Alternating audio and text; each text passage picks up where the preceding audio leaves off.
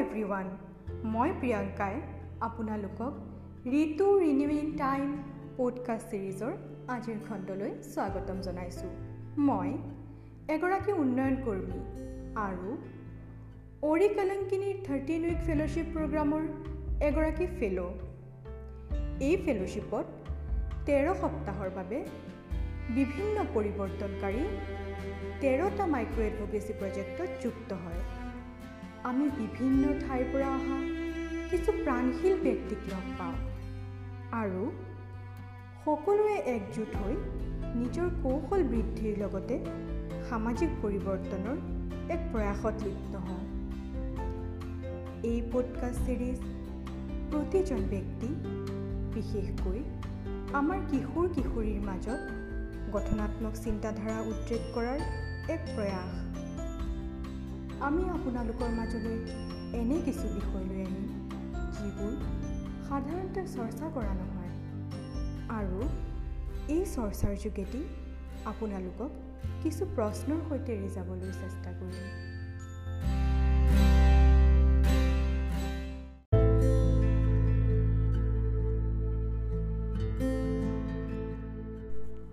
আজিৰ এপিছ'ডত আমি চৰ্চা কৰিম ডিমাচা সংস্কৃতি আৰু ঋতুস্ৰাৱৰ ৰীতি নীতিৰ বিষয়ে। আমাৰ সৈতে আছে সুমিত হাউচেন তেখেত গুৱাহাটী বিশ্ববিদ্যালয়ৰ নৃতত্ব বিভাগৰ প্ৰবক্তা আৰু আছে ডেমি জিডং তেখেত গুৱাহাটী বিশ্ববিদ্যালয়ৰ আইন বিভাগৰ শিক্ষাৰ্থী। গতিকে আহকচোন আমাৰ আজিৰ অতিথিসকলৰ সৈতে কথা পাতোঁ।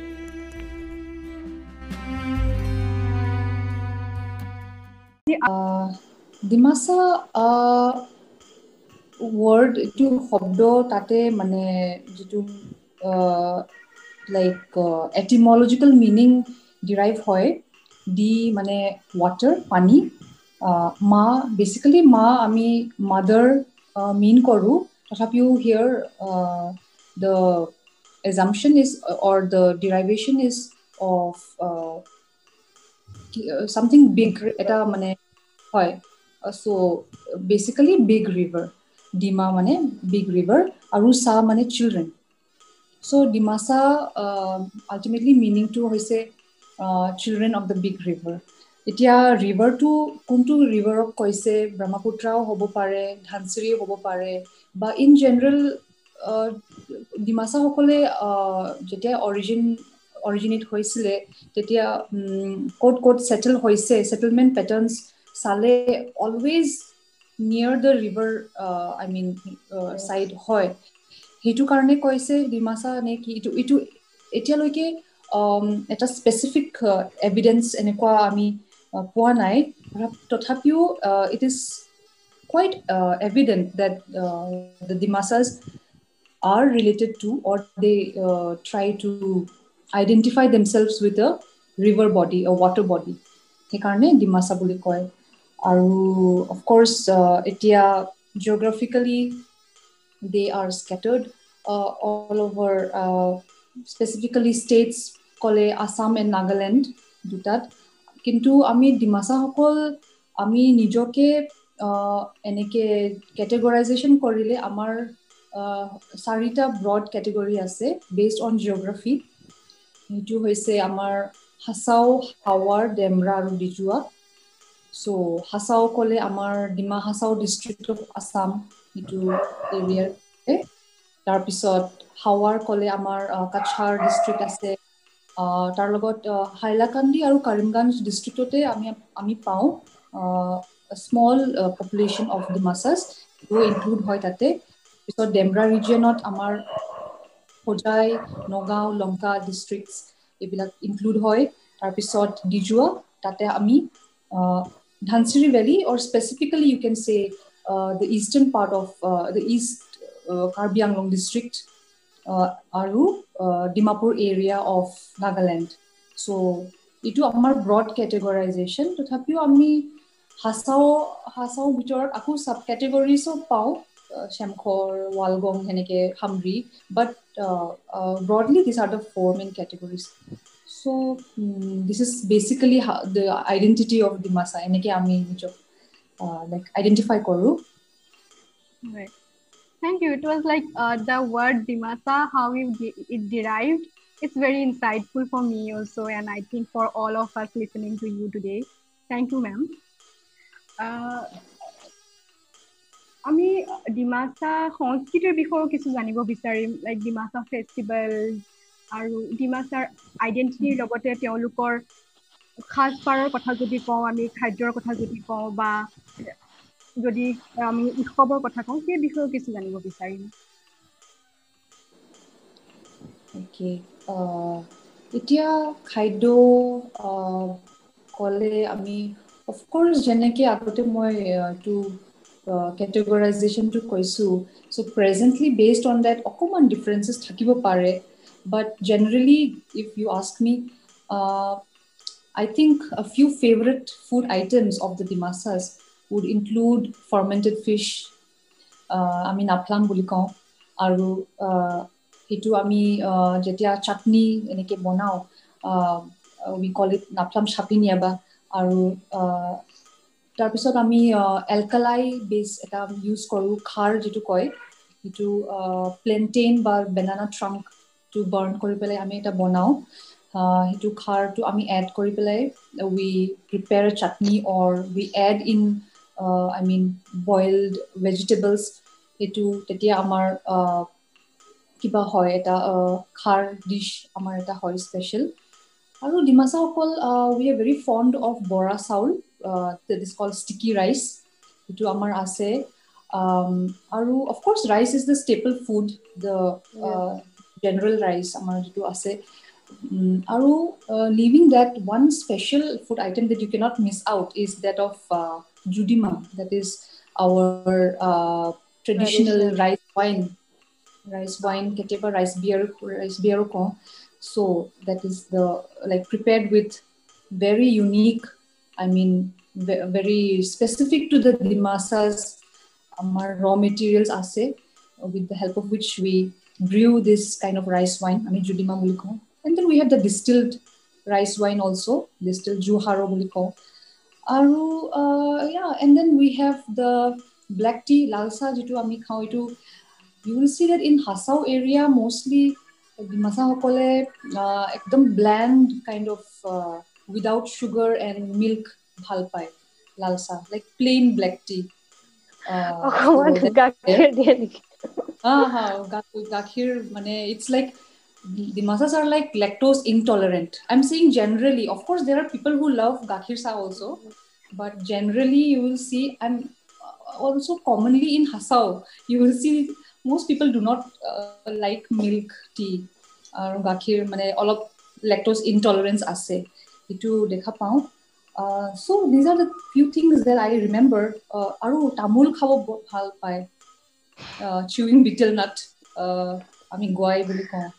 So' these are I think some of the favourite items of the Dimasas food items আৰু বেলেগ if you any other that you want me to highlight or Demi can also add to this.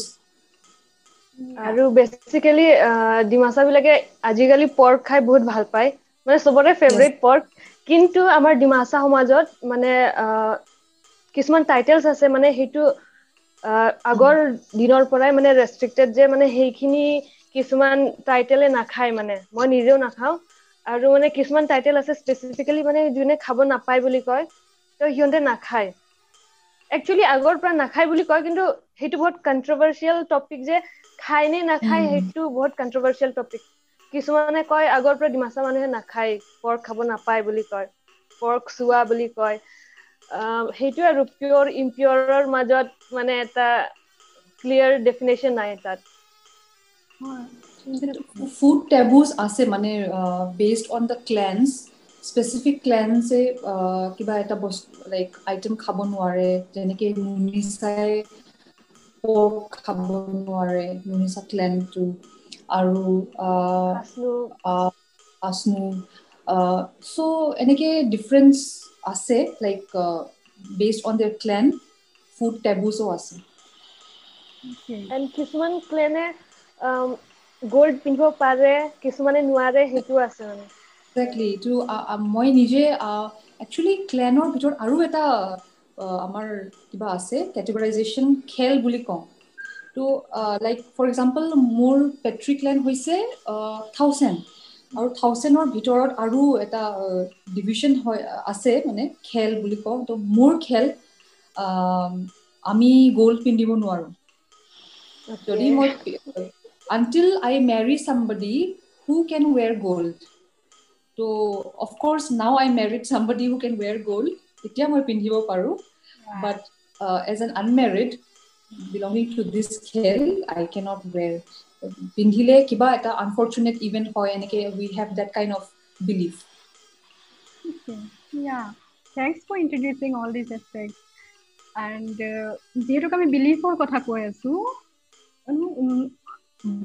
Dimasa যদি আমি কওঁ Dimasa traditional festival ত' সেইটো বিষয়ে অলপ ক'ব নেকি আমাক?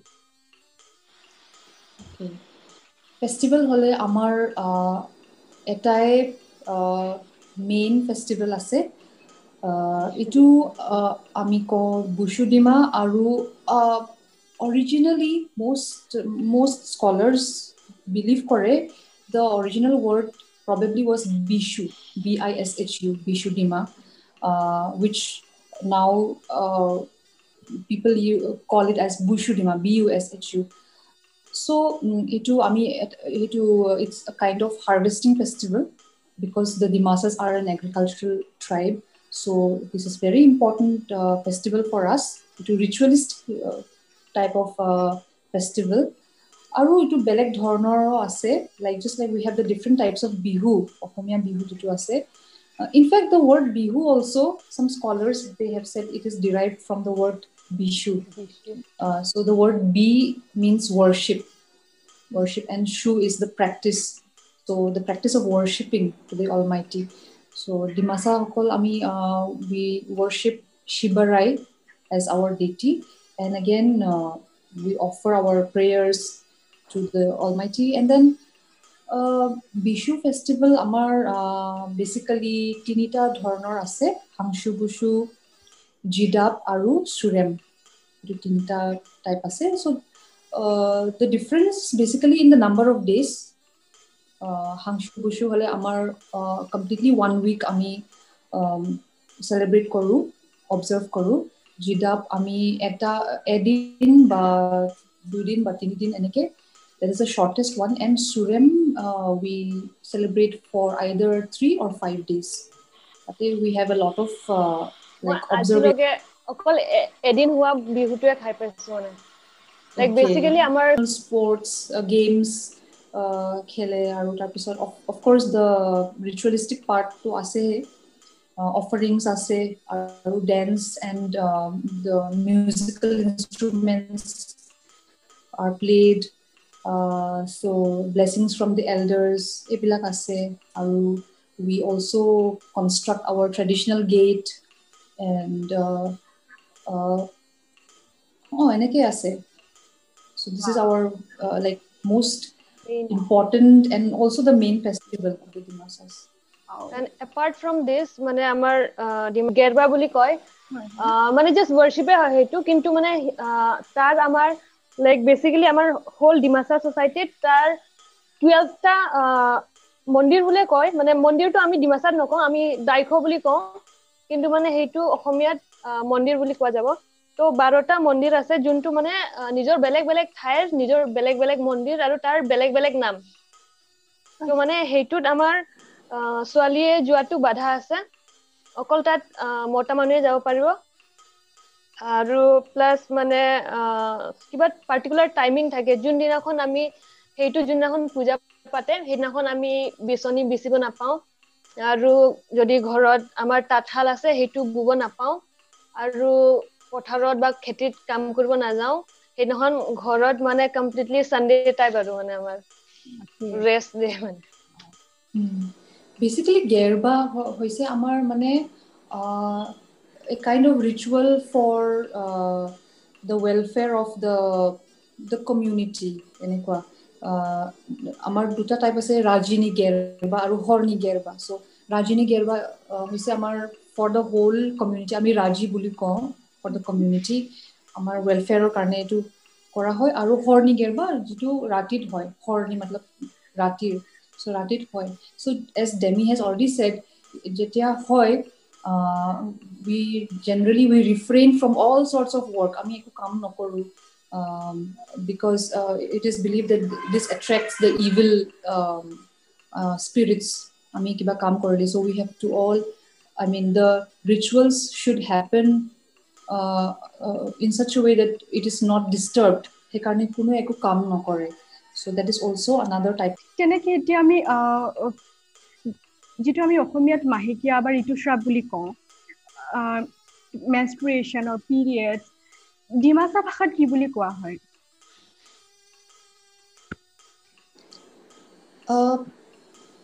As far as my knowledge goes আমাৰ এনেকৈ স্পেচিফিক টাৰ্ম নাই বাট আমি এটা উই ইউজ এ টাৰ্ম কল চাউগুচুজাবা চাউগুচুজাবা হয় এইটো literally this translates to impurity of the body body is impure so um, uh, i am not very sure if um, to exactly i mean mane because body impurity to it could mean anything in, in any way not specifically menstruation yeah. but uh, it is just said body is impure so uh, this is what we call in general now আমি যেনেকৈ use কৰোঁ So' I I do not know' the reason why we don't have an exact term for menstruation but we simply call it that the body is impure. Shaugushuja ba, Shauhamya ba. Right. That is about the terminology.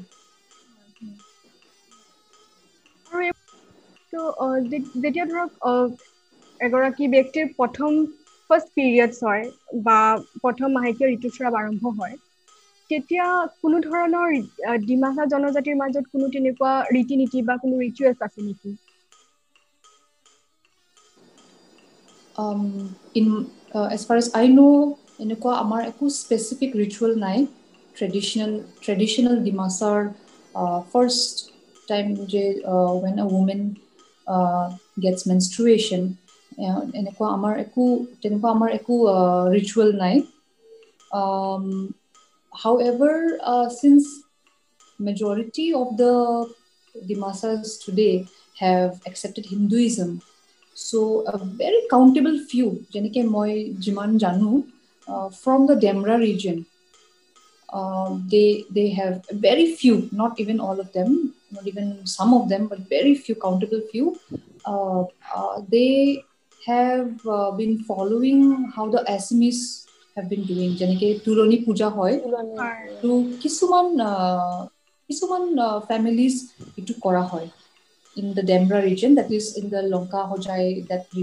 Mm-hmm. একো এনেকুৱা নাই। For first time যেতিয়া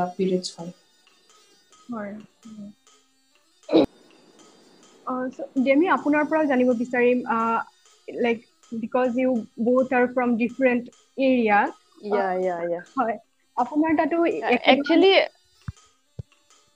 মেমে যোনটো কৈছে মানে সেইটো সঁচা হয়। মানে আমাৰ যোনটো ফাৰ্ষ্ট টাইম পিৰিয়ডছ হয় তাত আমাৰ তুলনি বিয়া মানে তেনেকে একো নহয় আমাৰ একো ৰিচুৱেল নাই। কিন্তু জাষ্ট মান্থলি পিৰিয়ডছ যোনটো হয় তাত আমি নিয়ম পালন কৰোঁ মানে এতিয়াও কৰোঁ। ঘৰত কিন্তু আগত বেছিকে মানা যায়। তো আমাৰ কিছুমান ৰেষ্ট্ৰিকশ্যনছ থাকে সেইটো হ'ল মানে আমি পাকঘৰতো সোমাব নাপাওঁৱেই। আৰু পাকঘৰ বাদ দি পিনে আমাৰ মানে গৰু যদি থাকে ঘৰত গৰু গোহালিত আমি যাব নাপাওঁ। গৰু নুচো আৰু ভঁৰালত কাম নকৰোঁ। তাৰপাছত বহুত কিছুমান ক্ষেত্ৰত কিছুমানে মানে কিছুমানে নামানে মানে সেইখিনি। সময়ৰ লগে সময়ৰ লগত মানে সলনি হৈ যায় মানে সেইটো। মানে ৰিচুৱেলছ একজেক্টলি ৰিচুৱেলছ ক'লে ৰিচুৱেলছ নাই কিন্তু প্ৰেক্টিচেছ কমন প্ৰেক্টিচেছ যিটো আছে এইটোতো আছে। That is we we certain prohibitions are there মানে আমি সেইটো কৰিব নাপাওঁ এনেকুৱা আছে। আৰু আই থিংক দেট মোৰ লেছ চবতে আছে in all the regions of the Dimasas but I think the most relaxed one is in the Hasao তাতে বেছিকে লাইক ৰেষ্ট্ৰিকশ্যনছ ইমান নাই but at present we see that everywhere I think it's getting relaxed this kind of prohibitions but still to quite an extent যেনেকৈ ডেমিয়ে কৈছে the menstruating women women cannot is not uh, allowed to enter or like prohibited to enter the kitchen or uh, cooking. or any kind of heavy work এনেকে কৰিব নাপায় আৰু but uh, I also found I, I also heard about the women in Hawar area uh, that is in Kachar area and specifically that also চবতে নহয় I heard that in Dholai এটা জাগা আছে ধলাই বুলি তাতে ইটছ মোৰ I mean very strict about they are very strict about it isolation কৰি থাকে মানে they isolate the menstruating women আৰু লাইক ৰুম এটা বেলেগকৈ they they stay in a different room and then এটা বেলেগকৈ বেড দিয়া হয় বিচনা or otherwise on the floor and so' এইবিলাক আছে। So' the the level of the severity of uh, prohibitions may vary here and there, but more or impure to pure কেনেকে কৰে? Like গা ধোৱা টাইমত খাৰ দি পিনে মূৰত মানে খাৰ দি পিনে মানে ধুই দিব লাগে মানে। খুৱাই দিওঁ বা মোৰ হাতেৰে তেনেকে কুক কৰা বস্তুখিনি খুৱাই দিওঁ নিয়ম যদি পালন নকৰে তেতিয়া বোলে ঘৰত মানে কিবা বেয়া হয় বা মানে সিহঁতৰ বিলিয়াছ মানে সেইটো যে কিবা বেয়া হ'ব বা মানে ল'ৰা মানুহৰ মানে এটা মেণ্টেলি মানে কিবা এটা এফেক্ট পৰিব যোনখিনি মানে আমি গম নাপাম কিন্তু মানে like somewhere out of blue মানে আহিব আৰু কেতিয়াবা বেয়া হ'ব মানে। মানে সেইটো হ'বই আৰু। সেইকাৰণে আগৰ পৰা আমি মানি চলিব লাগে। মানে আগৰ পৰা মানি চলি আহি আছো ত' মানে চলিব লাগেই মানে। হয় হয়। মানে এইটো এটা কমিটি আছে মানে এটা কালেকশ্যন হয়। Then only they perform the ritual accordingly so' the males they take care of it all the collection even the cooking because এইটো মিট যিটো ছেক্ৰিফাইচ হয় বা ফাউলছ এইটোও মানে ডাইকতে চব হয় ত' কুকিঙো there there only it is done by the males but when they come back home may be the women have to take care of like I mean there other things and all but বেছি they K not they cannot participate in the whole ritualistic thing. So already amar restriction ase mm. so whether you are having you are menstruating or not women are not allowed to take part in that so uh, that is already there mm. and when you are menstruating of course uh, puja and all definitely just like the other pan hindu amar to ase communities right. same way they are prohibited from taking part okay Okay. So yeah, thanks. Thank you so much for the opportunity. Even I had a wonderful time. Our pleasure.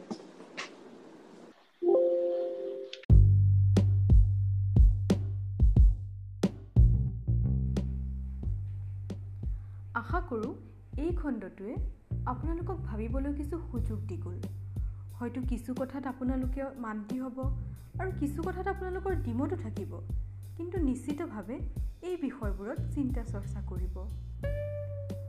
আমাৰ এই ছিৰিজৰ আগন্তুক episode আৰু আমাৰ channel অৰিকলংকিনীৰ অন্য amazing এপিছ'ডবোৰত আপোনালোকক লগ পোৱাৰ আশাৰে আজিলৈ বিদায়।